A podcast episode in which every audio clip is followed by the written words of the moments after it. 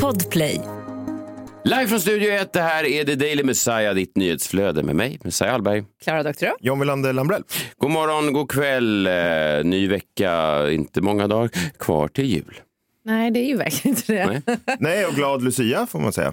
När är den då? Idag! Idag? Har du Är det, missat det det? är du som är jultoken. Men vad fan, det är, det, men det är väl inte idag? Jo. De har ju ställt in alla Lucia-firanden. Ja, jag vet, men, men jag måste bara kolla kalendern. 13 december. Ja, det är det ju. Men vad fasen, jag lämnar... Okej, jag hann ju inte ens... eh, Jag väcker ju inte mina barn innan jag går. Men eh, okej, ja, men då så. Då, då är det Lucia idag. Fan, vilket kom, kan fan jultoken har missat att det är Nej, du Lucia. är jultoken. Ja, jag vet. Men Du, du kanske bara, bara jul. Du ha- gillar, hatar Lucia då? Ja, alltså, jag Att kvinnor får stå i centrum längst fram.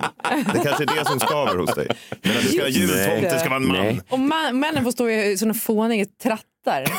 Ja, det är ju i och för sig lite konstigt. Men, Vet, vet ni vilka mina favoriter är just när det kommer till Lucia? Nej. Man träffar dem lite året runt och det är den nya typen av man som, de är ofta från Skåne, det är inget fel med skåningar, men min fru är från Skåne. Nej. men de ställer frågor om, de, kan, de, vill, de har en väldigt tydlig favorit i Lucia-tåget. Jaha. Och så kanske de säger typ på midsommar så här, ja, vad, tjena, vad, vad tycker du om eh, högtider? Har du någon favorithögtid?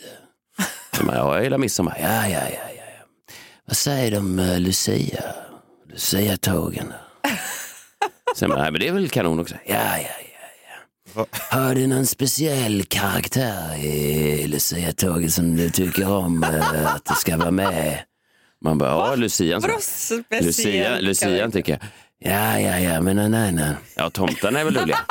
Ja, ja, ja, visst absolut. Men eh, någon annan sådär som du har tänkt på som du tycker eh, kanske saknas ibland numera i Rosétåget? Numera, ja. Ja, Och så säger man- nej, nej, Och sen bara, nej. nej, jag vet inte, vad menar du? Ja, det är pepparkaksgubbarna. Jag tycker jag älskar, jag älskar pepparkaksgubbarna. Ibland så går jag runt som pepparkaksgubbe fast inte Lucia. Jävla... Att de testar det. Ja, de, de, de, de, de hittar en bundsförvant. Mm. En, en man Ah. från Skåne som året runt går och stör sig på att det inte är tillräckligt många De pepparkaksgubbar. saknar pepparkaksgubbarna. Ja, det är väl fint att de gör det. Undrar varför de gör det. Undrar varför, Ja, de måste älska det där bakverket. Jag, jag älskar pepparkakor också. Ja, det gör du ju. För Du har pepparkakor på till frukost. Ja, jag har haft pepparkakor från, sen min frukost eh, sen jag var sju år gammal och ofta när jag reser utomlands så har jag packat ner ett paket. Det är ju sinnessjukt. Det är inte per... Och nu... Det är- Här så- Smuggla mat Nej. över hela världen. Nej. Det är Nej, helt sinnessjukt. Det är inte sinnessjukt. Att du tar med dig pepparkakor till andra delar av världen istället för att ta del av deras matkultur. Ja, fast det är ingenting som går upp mot pepparkakor. Och nu då den här julen. Det är faktiskt helt... Ja. Det är väl ingenting? Vadå? Alltså, ja. Någon gång har jag fått öppna min, min väska och plocka upp skannen då. Så har de sagt what is this? Och så säger jag, it's uh, gingerbread cookies. ja. En hamburgare när du är i New York? Nej, jag har mina pepparkakor. tack. Ja, i alla fall, nu har då den här julen blivit, went from good to great. Eh, dels så skaffade vi eh, gran i lördags, det var väldigt fint. Men sen så mm, eh, har de då kommit, de har då slagit ihop mina två eh, favoritgrejer i, i världen. Vad gillar jag mest i världen skulle du säga? Ett är då pepparkakor. Pepparkakor och glass. Pepparkakor och glass ja. Ja. Nu har det då kommit i år pepparkaksglass. Jag såg det i affären. Ah! Jag trodde att jag var Wow. död och kommit till himmelriket när jag såg den i frysdisken. Det var ju otroligt. Den låg där och jag tittade, kan det verkligen vara? Kan det vara? För jag såg först ordet pepparkaka och sen såg jag glass. Och så tänkte, det, är så, det är som att någon har hört, Ja. någon har gått in i mitt huvud och hört vad jag fantiserar mest om. Ja, jag Mm. förstår. Du har aldrig varit så exalterad sen det var. Vad var det du hittade någon hallonyoghurt också när, den- när den kom? Oj, Vad fan var det? Nej, det var, det var en, en yoghurt med smak av vanilj.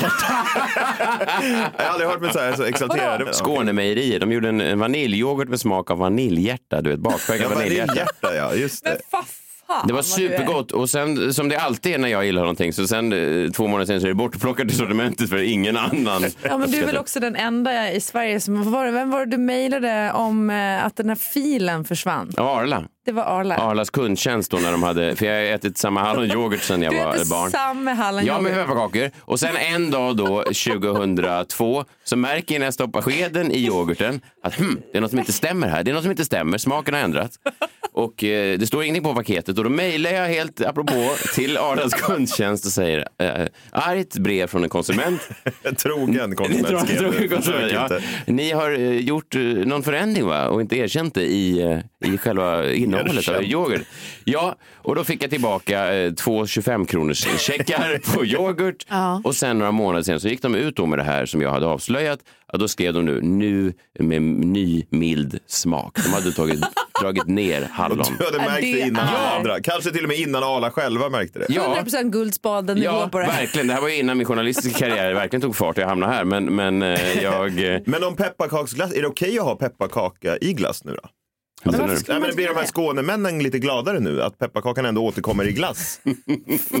Ibland så tror jag, du får rätta mig om jag har fel här John, men ibland så undrar jag om det verkligen är själva pepparkakan som de är förtjusta i.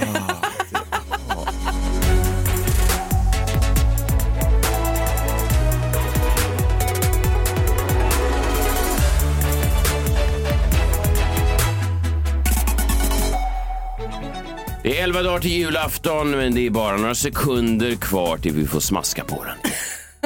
Vadå smaskigt? Kom närmre, kom närmre, var inte rädda. Allt kan hända, allt är möjligt när vi spelar på vår jombola. Smaskelimums, vår nöjesbanare John Wilander Lambrell plockar fram den eh, så Nej. här bara 11 dagar innan jul, sin enorma jombola. Vad har du dragit ur den idag? Nej, jag ska ge dig. Nu är det faktiskt Lucia. Ja. Då kan jag väl, jag väl förvänta mig lite mer hövlighet. Ja, kanske. men det här var väl jag, ger dig, jag ger dig nu en Ja. chans till Ja. att göra en ordentlig presentation. Okej. Här är han nu, John Wilander Lambrell. Han är fin, han är ståtlig och han har tagit med sig sin egenbyggna jombola. Det är den här undertonen hela Det är tiden. väl ingen underton? ståtlig? Kan du inte bara säga, Jo. inga sådana, kan du inte bara Ja. säga, John- nu är det dags för Ja. jombolan. Ja, John Wilander Lambrell. Eh, här är han, här är hans jombola och det kan bli en hård nöt att knäcka. Kom närmre, kom närmre, var inte rädda. Allt kan hända, allt är möjligt när vi spelar på vår jombola. Ja, eh, säg inte att jag inte gav dig en chans. För det blir, jag blir ju så illa tvungen nu att ta upp någonting som Messiah stör sig på med mig. Jag gjorde det här om veckan och då berättade jag ju att Messiah stör sig väldigt mycket på när jag antydde då att min kropp egentligen är byggd för sydligare breddgrader. Ja, det, det var ju, ja, jag vet inte vad jag ska säga om det. Ja, mm. Ja, och, att, och att jag kan äta eh, kanske starkare mat än gemene svensk då. Du sa att din kropp framkallar inte svett vid varma temperaturer Nej. och du sa att din eh, kryddtålighet var densamma som en, den mest härdade indier. Ja. Mm. Så de på Himalaya Livs till och med trodde att du, du var indisk. Ja, men det var ju kvinnan på Himalaya Ja, Liv okej, som trodde det. Inte, det, var inte, hon, det var inte jag som sa det. Nej. Nej. Och nu tänker jag ta upp någonting mer du stör dig på hos mig. Mm-hmm. Börjar med att anta att det blir fler och fler grejer. Men så länge du håller på med den här Ja, ja. skiten så kommer jag ge igen. Liksom. Ja, ja, ja. Ja, och det som Messiah stör sig på näst mest eh, efter min kropp, det är, det är när jag anammar nya tekniker snabbt. Ja, det Vadå, early adopter? Och när jag antyder för Messiah att ny teknik kan komma att slå ut gammal teknik. Ja, jag tycker, du är ju väldigt snabb på det. Det får man ju säga. Du är väldigt snabb på det och det har ju varit många gånger som du... Ja, men, ja, visst, Du, visst. vadå, han var för minidisken och minikalen och alla de där. Ja, men eh, allting Spotify eh, skaffade en konto direkt när jag hävdade att eh, LP-skivan fortfarande hade lev, levnadssätt. Ja, alltså när Spotify kom så slutade jag ju som många andra att köpa CD-skivor medan Messiah fortsatte att hänga på skivbörser och Bailando för att få chansen att höra en låt han gillade. Nej men gud! Jo, jo, så, och så är det nästan fortfarande. Jag såg bara här om veckan fick du hem en Blu-ray. Just stämmer inte det? fortfarande Jo, jag, DVD. jag, jag gillar omslagen, jag gillar att kunna hålla en fysisk produkt. Är det, är det för mycket? Är, är, gör det mig så gammal då? Nej, men det är väl helt okej om du vill göra det. Men Ja. det är när jag tipsar om och säger att ska du inte testa det här istället? Spotify, det finns all världens musik. Ja. Streamingtjänster, du kan liksom välja vad du vill hemma från tv-soffan. Du behöver inte beställa hem grejer från liksom, som skeppas över hela världen. Då blir du liksom sådär lite irriterad på mig. Jag tycker inte om när det går för snabbt. Nej. Jag tycker att man kan, eh, var sak har sin tid. Jag tycker man kan ha det lite lugnt. Jag tycker inte om att hoppa på flugor och så vidare. Nej. Nej, och- men dels det, men också så är det ju att när jag hävdar, Ja. eller när jag berättar att jag använder Ja. en ny teknik, Just det. då blir du sur på mig. Ja, men för att du då bryter med det här gamla antar jag. För att du tänker att du har hittat någon ny genväg i livet tror jag. För att, det är väl det. det. Häromdagen så berättade jag om att eh, jag frågade mig, säga, han sa ja, men jag måste springa till Ica och handla nu till mat ikväll. Och då sa jag, Det finns ju alltså nya tjänster i Stockholm. Ja, verkligen. Där du får hem maten på 15 minuter efter att du har beställt det. Det heter Foodora Market eh, bland annat då. Ja, det där stämmer ju inte för att jag har varit inne på den där appen och eh, den appen har ju inte de matvarorna som man vill ha. Du vill ju bara beställa en, en mjölk och en, eh, någon, någon, någon jordnöt eller någonting. och det kan man säkert få hem. Ja. Men, men du får inte hem de här härliga eh, frukt och grönt eller en skön köttabit. Ja, men det Fast det- går ju nu också. Inte Det på finns- 15 minuter. Nej, men du Det hör ju, du hör, han, han, Nej, inte på liksom- 15 han går- minuter. Jag bor Det det han går- i, bor du inne i stan som du gör, då, Ja. då kan du. För Nej, jag beställer ju det här hela tiden. Nej, men Ja. inte... men- det Jag, beställer, jag, gör, jag har inte gått till en matbutik på ett år. Men du vill väl gå i Va? matbutiken? Du och- har inte gått till en matbutik på Du- ett år. Nej, du ser. Varför skulle jag göra Men det? Vet, vet du hur mycket dyrare det är att köpa via de apparna? Eh, det är inte så mycket dyrare, det där är en myt. I alla fall. Eh, sen om... Eh, Har du varit på Willys? Nej, jag har inte varit på Willys. Jag beställer via Foodora Market. Jag beställer i appen så kommer det hem och så står det utanför min dörr om- inom 15 minuter. Det är omöjligt. Ni- Det är omöjligt att den står inom inom 15 minuter. Jag ska göra det här någon dag i veckan så ska jag säga alla brister. Jag ska göra det så ska jag ta med Men du har redan hit. sagt Jan- alla brister. Ja. De, Jan- de härstammar inte från verkligheten. Vad kostar en liter mjölk, John? Sen då eh, kan man ju säga att, eh, och det här blir också Messiah lite irriterad på, om jag antyder att jag har ju genom historien fått rätt. Nej. Alltså VHS-band existerar ju inte längre. Hemma hos mig. Ingen köper CD-skivor. Jag gör. Ny teknik slår ju alltid undan benen för gammal teknik. Ja, det är ett jävelskap som eh, verkar inte ge med sig. Nej. Har du varit på Åhléns multimediaavdelning på sistone? Ja, jag var där för några veckor sedan. Det var Nej, helt stängt. det är för att den inte ja, det var helt existerar stängt. Det var längre. ersatt. Den Ja. finns inte längre. Jag gick i barndom nu och tänkte där hängde man så mycket. Alltså. Ja, verkligen. Oh, vilket utbud av skivor. Och, Ja, vad hände med alla allt dem? möjligt. Vad ska jag Ja. höra på musik idag? Ställer man sig ofta frågan. Men då hände någonting häromdagen då. För en millisekund så tänkte jag, kanske har Messiah rätt den här gången. Ah, okej. För en Ja, millisekund. du ser, du ser. Det finns framsteg. Eh, Jo, jo, Ja. men sen kom jag till mina senses då eh, lite senare. För jag skulle laga en, eh, en pesto hemma. Tänkte, ja men då jag beställer hem grejerna på Foodora Market som vanligt. Och då fanns inte parmesanost. Nej. Den fanns inte. Och då tänkte jag, då, Messiahs ord ekade i öronen. Han hade sagt innan då, det finns inte ost på de här butikerna. Sånt att det finns inte Jo, ost. så sa du. Jag sa det finns kanske inte rätt ost. Så här. Nej. Nej, vad fan. Ja, Parmesan är Rätt betyder- viktig om du ska göra det. Ja, exakt. Och då tänkte jag, jävlar, ska Messiah för första gången genom historien få rätt? Alltså kommer Blu-ray-skivan leva för evigt? tänkte jag. Kommer man få rätt på det också? Och då fick jag ju göra det tyvärr då, att jag fick ju skicka ut min tjej för att handla, skickar du handla alltid hem. Nej, men hon, hon frivilligt sa ju att jag... Din lille fotfolk. Nej, men hon sa ju såklart, jag går gärna och, och handlar parmesanost. Så hon är också lite som du, Messiah, nej men det finns inte så här. Så hon fick gå och handla parmesanosten. Och vad händer under den här tiden? Coop-butiken som hon går och handlar till ligger ungefär kanske 3-4 minuter från mig. Så det tar ju kanske ungefär en kvart att gå fram och tillbaka och köpa det här. Under tiden hinner jag få upp en ny reklam på Instagram för en Foodora Market-konkurrent som heter Vembla. Där det står eh, alla dina varor till din dörr inom 15 minuter. Men det är ju Det omöjligt. Du hör jag ju gör, själv. det som ja. händer de kommande minuterna här, det är alltså, jag laddar ner den nya appen. Jag skapar ett konto, loggar in, hittar, där fanns parmesanost. Beställer en parmesanost. Innan min tjej har kommit tillbaka från matbutiken fyra minuter bort har jag redan fått den här parmesanosten hemlevererad. Otroligt! Ja, men har du, du har ju inte kunnat känna på... Du känner ju inte kohandlaren som har tagit fram osten. Men det är Du så sjukt. inte- Varför blir du irriterad på det här? Jag menar, det är ju, Jo, men det- det, det- här är ju it's a, det är en bra grej. Nej, Ja. ja. jo, det är väl en bra Säg, grej. säg det till de som sen ska titta på sitt lönekonto efter den här leveransen. Exakt. Din parmesanost. Jag tänker på lilla människan. Han som inte behöver cykla hem Okej, men tänk på de som står och staplar upp din parmesanost då. Ja, jag tänker på Giuseppe som jag pratade med senast igår som jobbar nere i, i Piemonte-regionen som gör då parmesanost som jag alltid äter. Han sa, det här är översatt då från den italienskan, han sa åh mamma mia, sa han. Han började så, han var väldigt bekymrad. Så han, jag hade fått en, en ny order på en eh, parmesanost och den skulle lagra i 24 månader. Men just den här parmesanosten som jag hade jobbat extra länge med, han bara lagras i sju minuter innan den skulle levereras till Roslagsgatan. Det var expressleverans. Ja, jag tänker på honom. Vad du menar att den kom hela vägen från Italien? Ja, ja jag tänker bara på honom, of på sense. Giuseppe. Ja, jag förstår. Att det, här, det är ju sånt skitsnack att du tänker på arbetaren. Du är bara irriterad för att den nya tekniken ersätter den gamla tekniken. Erkänn! Mamma mia, sa han. Inte ens handen pasteuriseras på rätt sätt.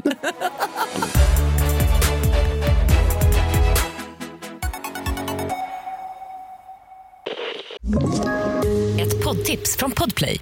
I podden Något Kaiko garanterar östgötarna Brutti och jag, Davva, dig en stor dos skratt.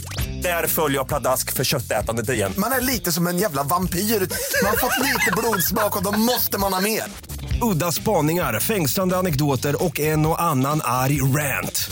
Jag måste ha mitt kaffe på morgonen för annars är jag ingen trevlig människa. Då är du ingen trevlig människa, punkt. Något Kaiko, hör du på Podplay. Därför är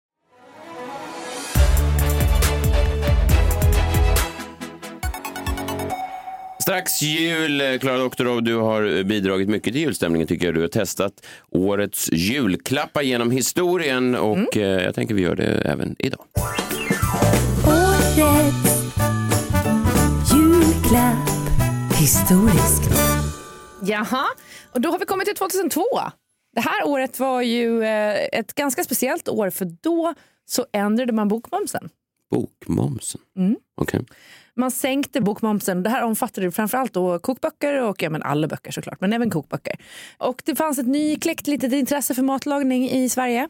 Så det gjorde då kokboken till årets julklapp 2002. Jag har ju alltid velat lägga vantarna på den här eh, Kajsa Wargs kokbok. Den heter Hjälpreda i hushållningen för unga fruntimmer. Den kom ut första gången 1755 och trycktes i 14 utgåvor varav den sista kom då 1822. Den där den går för minst 10 000 på auktion så den är liksom lite dyr. Däremot så har jag hittat en annan kokbok som jag hade hemma och jag testade att laga lite ur den. Den här kan man nog hitta för en lite billigare peng. Ska vi lyssna? Okej, du, ja, du har lagat mat alltså? Kul. Ja, här är jag idag igen och idag hade jag tänkt att testa årets julklapp 2002. Det är alltså kokboken. Och jag har hittat hemma i min bokhylla en bok av Paolo Roberto som heter Mina fastrars mat.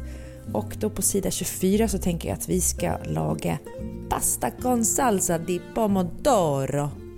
Eh, så det är ett enkelt eh, tomatrecept med god härlig pasta. Men vi kör igång helt enkelt så får vi se hur det här blir. Och jag säger ju som de riktiga pastaexperterna. Man ska alltid ha torkad pasta. Färsk pasta, det är hittepå. Oh, ja, så ja. Älskar när vattnet kokar över i pastan sådär.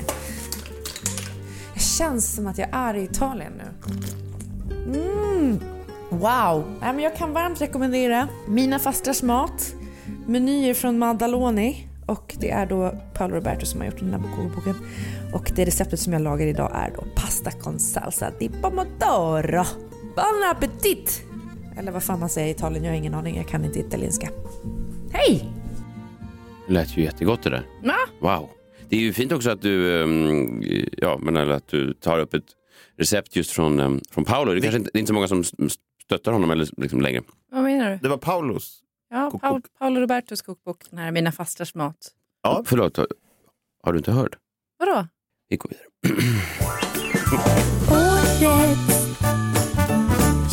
Julklapp historiskt.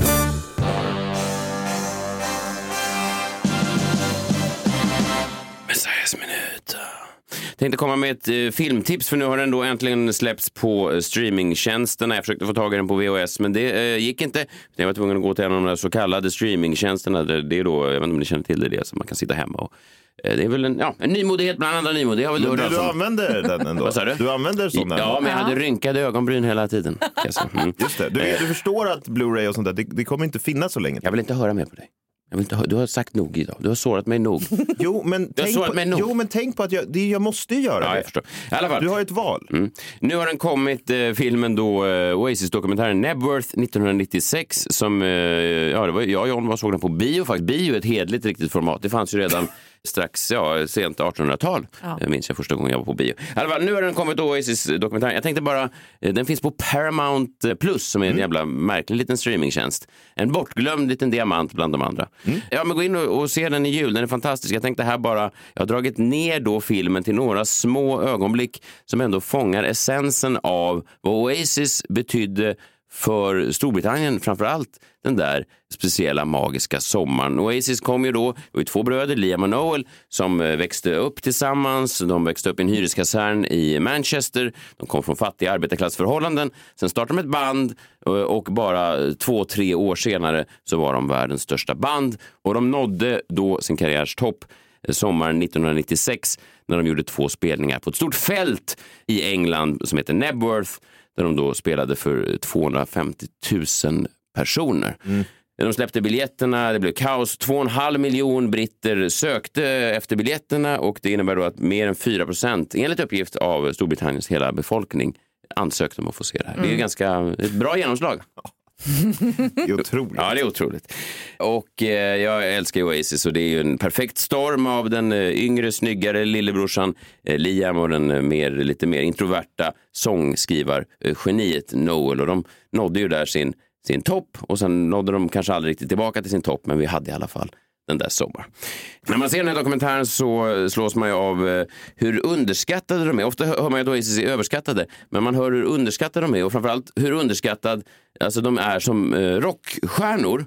Eh, Liam Gallagher är ju kanske den främsta rockstjärnan som någonsin har levat. Och han kom då direkt från sin mammas lägenhet och sen så bara eh, blev han rockstjärna och blev ihop med en eh, modell och tjänade miljoner. Det finns liksom eh, finns inga, inga genvägar. Han var bara Nej. född till det. Han snabbt började slå ner paparazzi-fotografer. Ja, han gick heller ingen idolskola. Det fanns liksom ingen sån genväg. Det fanns ingen Anders Bagge som kunde säga du kanske borde testa att ta av dig solglasögonen när du kommer in på restaurangen. Det ser otrevligt ut. Han var inte framplockad av Simon Cowell. Nej, Eh, här är ett klipp då där Noel pratar om Liam och varför de stod på sin absoluta topp där den här sommaren. I guess it's no coincidence that as that is the band at its peak, it's because the singer's at its peak. You know, you're only as good as your frontman, any band. You know, and if that is Oasis at its peak, which it is, it's because Liam's at his peak. Liam's at his zenith with his voice and the way that he looks.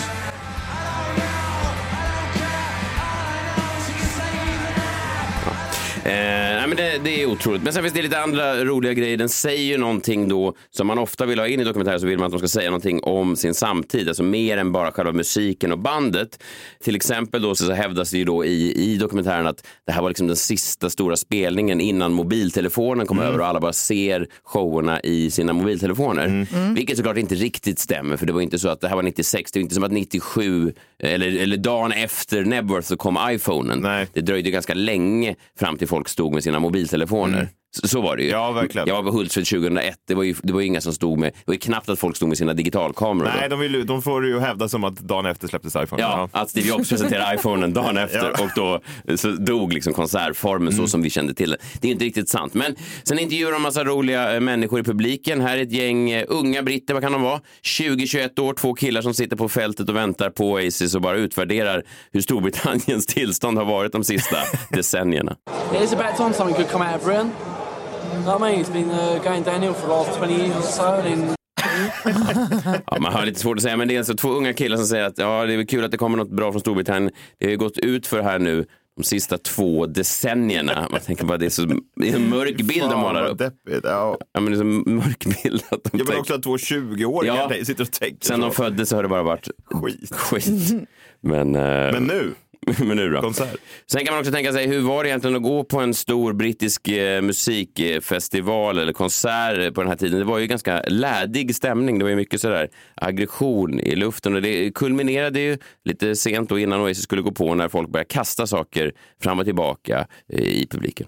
There was so much energy in that field that all of a sudden it was just like you see a shoe go up in the air and you think, fucking hell, whose shoe's that? Somebody started a food rubbish fight. it just erupted. Everybody's six, seven hours of food cans just got catapulted in the air. Shoes, bags, sandwiches. Black bags, Plastic cups, trousers, bottles. toilet paper rolling in the air. If it could be picked up, it was thrown. It's like a tsunami of litter flying through the air. 100,000 people throwing shit around. And it mustn't have been fun for the people that were underneath it. The guy next to us got smashed in the face by an orange. Ja, killen bredvid honom fick en apelsin i ansiktet. Smashed in the face with an orange. Aj! Ja, de, whose fucking shoe is that? Dumt. Vad fan är det för fel på folk på konsert? nej, men vad är det för fel på britter på konsert kan man säga? Ja, men det var ju den här Woodstock-grejen var det också massa skit. Ja, ja. Det är bara en fin bild att när man får en, en apelsin i huvudet och tycker att det är the greatest night of my life. Det säger någonting. Sen är det mm, en kille i eh, publiken som ser Liam och Noel då. Han heter Matt Underwood och han eh, intervjuas under hela den här dokumentären. Och han ser då Liam och eh, Noel, kanske vår tids största rockstjärnor, men han ser egentligen inte dem som rockstjärnor. Han ser dem som bara, ja, egentligen som, precis som han och hans egen bror. You see Noel and Liam on stage, and they're giving it all the Billy Big bollocks, and you see the stuff in the newspapers and everything else. But at the end of the day, they're just two brothers mucking about, and I'm stood there in the crowd with my brother mucking about. It just makes you feel like that's, that's me and my brother up on that stage. Nej, Matt, det är inte du och din bror där uppe. Det är också en konstig slutsats att det skulle lika gärna kunna vara jag och min bror där uppe på scen. Att det bara är två bröder som mucking about. Det kunde vara Matt. Ja, det, det kunde ju inte vara Matt på scen, men det är det han hävdar. Och det är väl fint att han... Jag tror att många, det var ju lite arbetarklassens revansch det här överhuvudtaget, Oasis framgångar, att, att de ser ut som oss, de är som oss, de kommer från vår bakgrund. Eh, och det, är väl lite det som hiphop-genren också har gett till många eh, svarta i utsatta områden. Att säga, ja, där är en kille som ser ut som jag och gör allt det där. Sen är det ju såklart inte så att vem som helst från vissa områden Det är kan... att frånta deras talang en aning. Ja. Alltså att de bara mucking about. Ja. De har ändå skrivit de här otroliga låtarna och sjunger och sådär. Ja. Nej, precis. Och jag tror inte att Oasis själva skulle skriva under på, på att de är bara anyone och Nej. att helst ska stå där. Eh, men, och det här har jag pratat om förut, eh, det, finns, det släpps väldigt mycket nu. Det är ju 25 år sedan då Nebworth var. Det släpps en bok också om det här i år. Och det finns ett fint stycke där eh, när Noel eh, Gallagher pratar med någon i Primal Scream. Han säger så här, fan vad ska vi göra nästa år? Är det fyra spelningar här? Är det åtta spelningar här? Och eh, det visar sig sen att det blir aldrig Nebworth då för Oasis i, igen. Det här blir ju då Eh, den enda eh, sommaren som de är där. Året efter släpper de en, ett album som går bra, men inte tillräckligt bra. Och sen så är, är det en långsam färd neråt. Sen blir det ju då, det här är lite spännande, det blir då Nebworth för Liam Gallagher igen. Nästa sommar, 2022, då ska han upp på det där fältet igen som solartist. Eh, och det kan säkert bli bra det också, men det kan omöjligt att toppa den där perfekta stormen som uppstod där i en hyreskasern i Manchester i början av 90-talet. Och två bröder, den ena snygg och dum och den andra ful och smart. Den ena introvert, den andra extrovert. Den ena begåvad med en av tidernas bästa sångpennor och den andra välsignad med tidernas bästa rockröst. När de två bröderna tog sig an världen och vann och deras segertåg ledde dem ända dit, ända till det där gräsfältet i Nebworth. Och det var liksom precis det som det brittiska folket behövde då, att efter decennier av att ha känt sig kuvade se till synes två helt vanliga bröder som gick upp på scenen och sa vi förtjänar det här, vi är precis så jävla bra som vi påstår att vi är. We were not grateful to anybody for anything. Oasis was us, you know. In a sense, it belonged to the people. In a bigger sense, in a more important sense, it belonged to us. And they were there to see us. We weren't there to look at them. And that's what separated us from most bands. We flipped that we are not worthy on its head. But we are worthy. Enjoy it.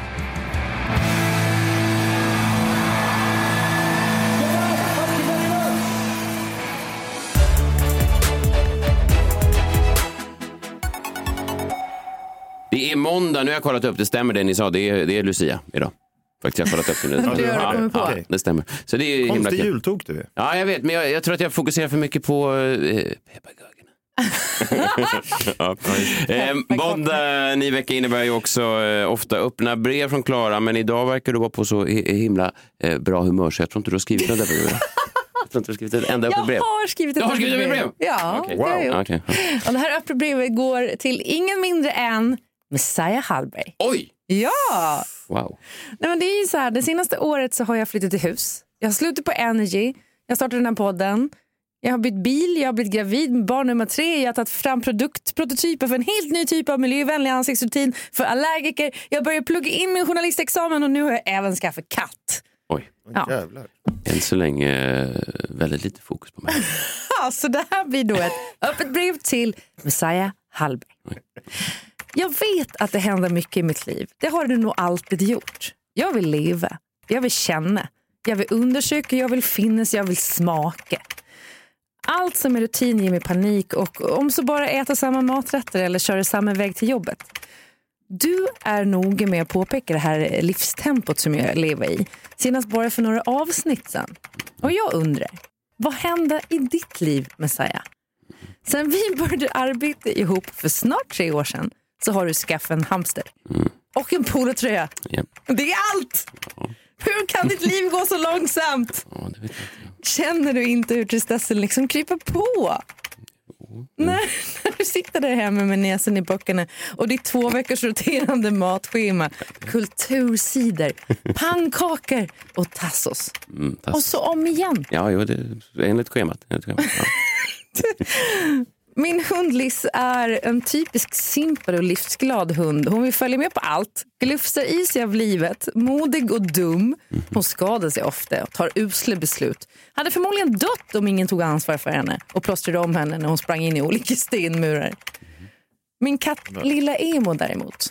Emo. Lilla emo. Lilla Emo, det är som Lilla Nymo fast Lilla Emo. Just det, lite mer dyster. Ja, den är väldigt dyster. Mm. Ja. ja, men det är en försiktig katt. Lite skygg, analyserande, smart. Lita inte på nymodigheter.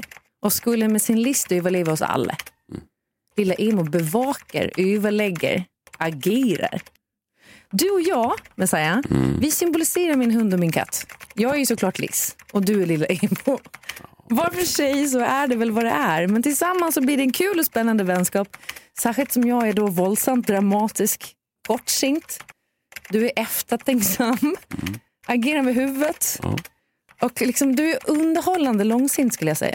Ja, just det. Mm. Människor som skriver dagböcker i vuxen ålder är ju oftast väldigt långsinta. Och intelligenta. Och intelligenta. Se man ser bara på Bergman. Ja. Ja, han levde väl 20 år extra bara för att han gick på ångorna av sin långsinthet. Och tänk ändå vad allt vi har gått igenom under de här tre åren. Det är ju sånt som andra vänskaper kanske upplever under hel livstid. Ett tag så var vi två halva personer som försökte hela varandra.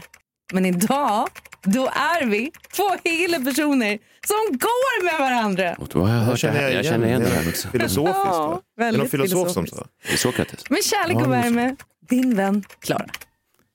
Ja, Det var ju fint. Det var ju fint. Jag att du mer skulle uppmärksamma kanske. Du var ju på min show där. någonting. Just det. Ja, men det är Det bra. var Du, du jämställde, show. jämställde med, där med din katt som, som du hade hämtat hos någon pundare. Va? Och lilla emo, det var, det var hela Messiah eller var det? Ja, lilla Emo är Ja, Messiah. ja. Jag är lista. Ja, vad fint. Ja. tack då. Eh, Du är min eh, hundkompis också. Ja, vad fint. Uff. Uff. Din hund. Du är min hund. På ett härligt sätt. Ja, Så får man tack, inte säga, tror Det jag. var mysigt. Men alltså, har det Nej. hänt något mer i ditt liv förutom polotröja och hamster? Nej, jo, jag har börjat få lite svårt att hålla eh, tätt efter jag har kissat. Men, nej, men gud. Jo, men det är inget Nej, men- jag pratar högt om. Nej, vad tur att du inte gjorde det. Ja, det var allt eh, för idag. Vi har lärt oss eh, ganska mycket och eh, ni har helt rätt. Jag kollar upp det här igen nu. Det är verkligen Lucia. då. Du har lärt dig när Ja. Lucia är. Ja, nu är det Lucia. Den 13 december. Det är Lucia. Så nu ska jag gå ut och klä ut mig till eh, någonting, eh, ja kanske en tomte eller något. En tomte? Ja. Du ska vara en stalledräng. Stalledräng, de är. Ja. Det lackar mot jul hörni. Tack för att ni lyssnar. Ni betyder mycket för oss. Utan er, inget oss, som Noel Gallagher skulle ha sagt. Ja. Tror du verkligen Nej, Nej, han skulle sagt tvärtom. Väldigt Ja. otypiskt. Strunt samma, vi, vi är inte Oasis men vi är jäk- jäkla härliga ändå. Vi hörs imorgon. Hej! Hej då! Podplay, en del av Power Media. Poddtips från Podplay. I podden Något Kaiko garanterar östgötarna Brutti och jag, Davva, dig en stor dos skratt. Där följer jag pladask för köttätandet igen. Man är lite som en jävla vampyr. Man har fått lite blodsmak och då måste man ha mer. Udda spaningar, fängslande anekdoter och en och annan arg rant. Jag måste ha mitt kaffe på morgonen för annars är jag ingen trevlig människa. Då är du ingen trevlig människa, punkt. Något Kaiko, hör du på Podplay. Därför arkadeinerna.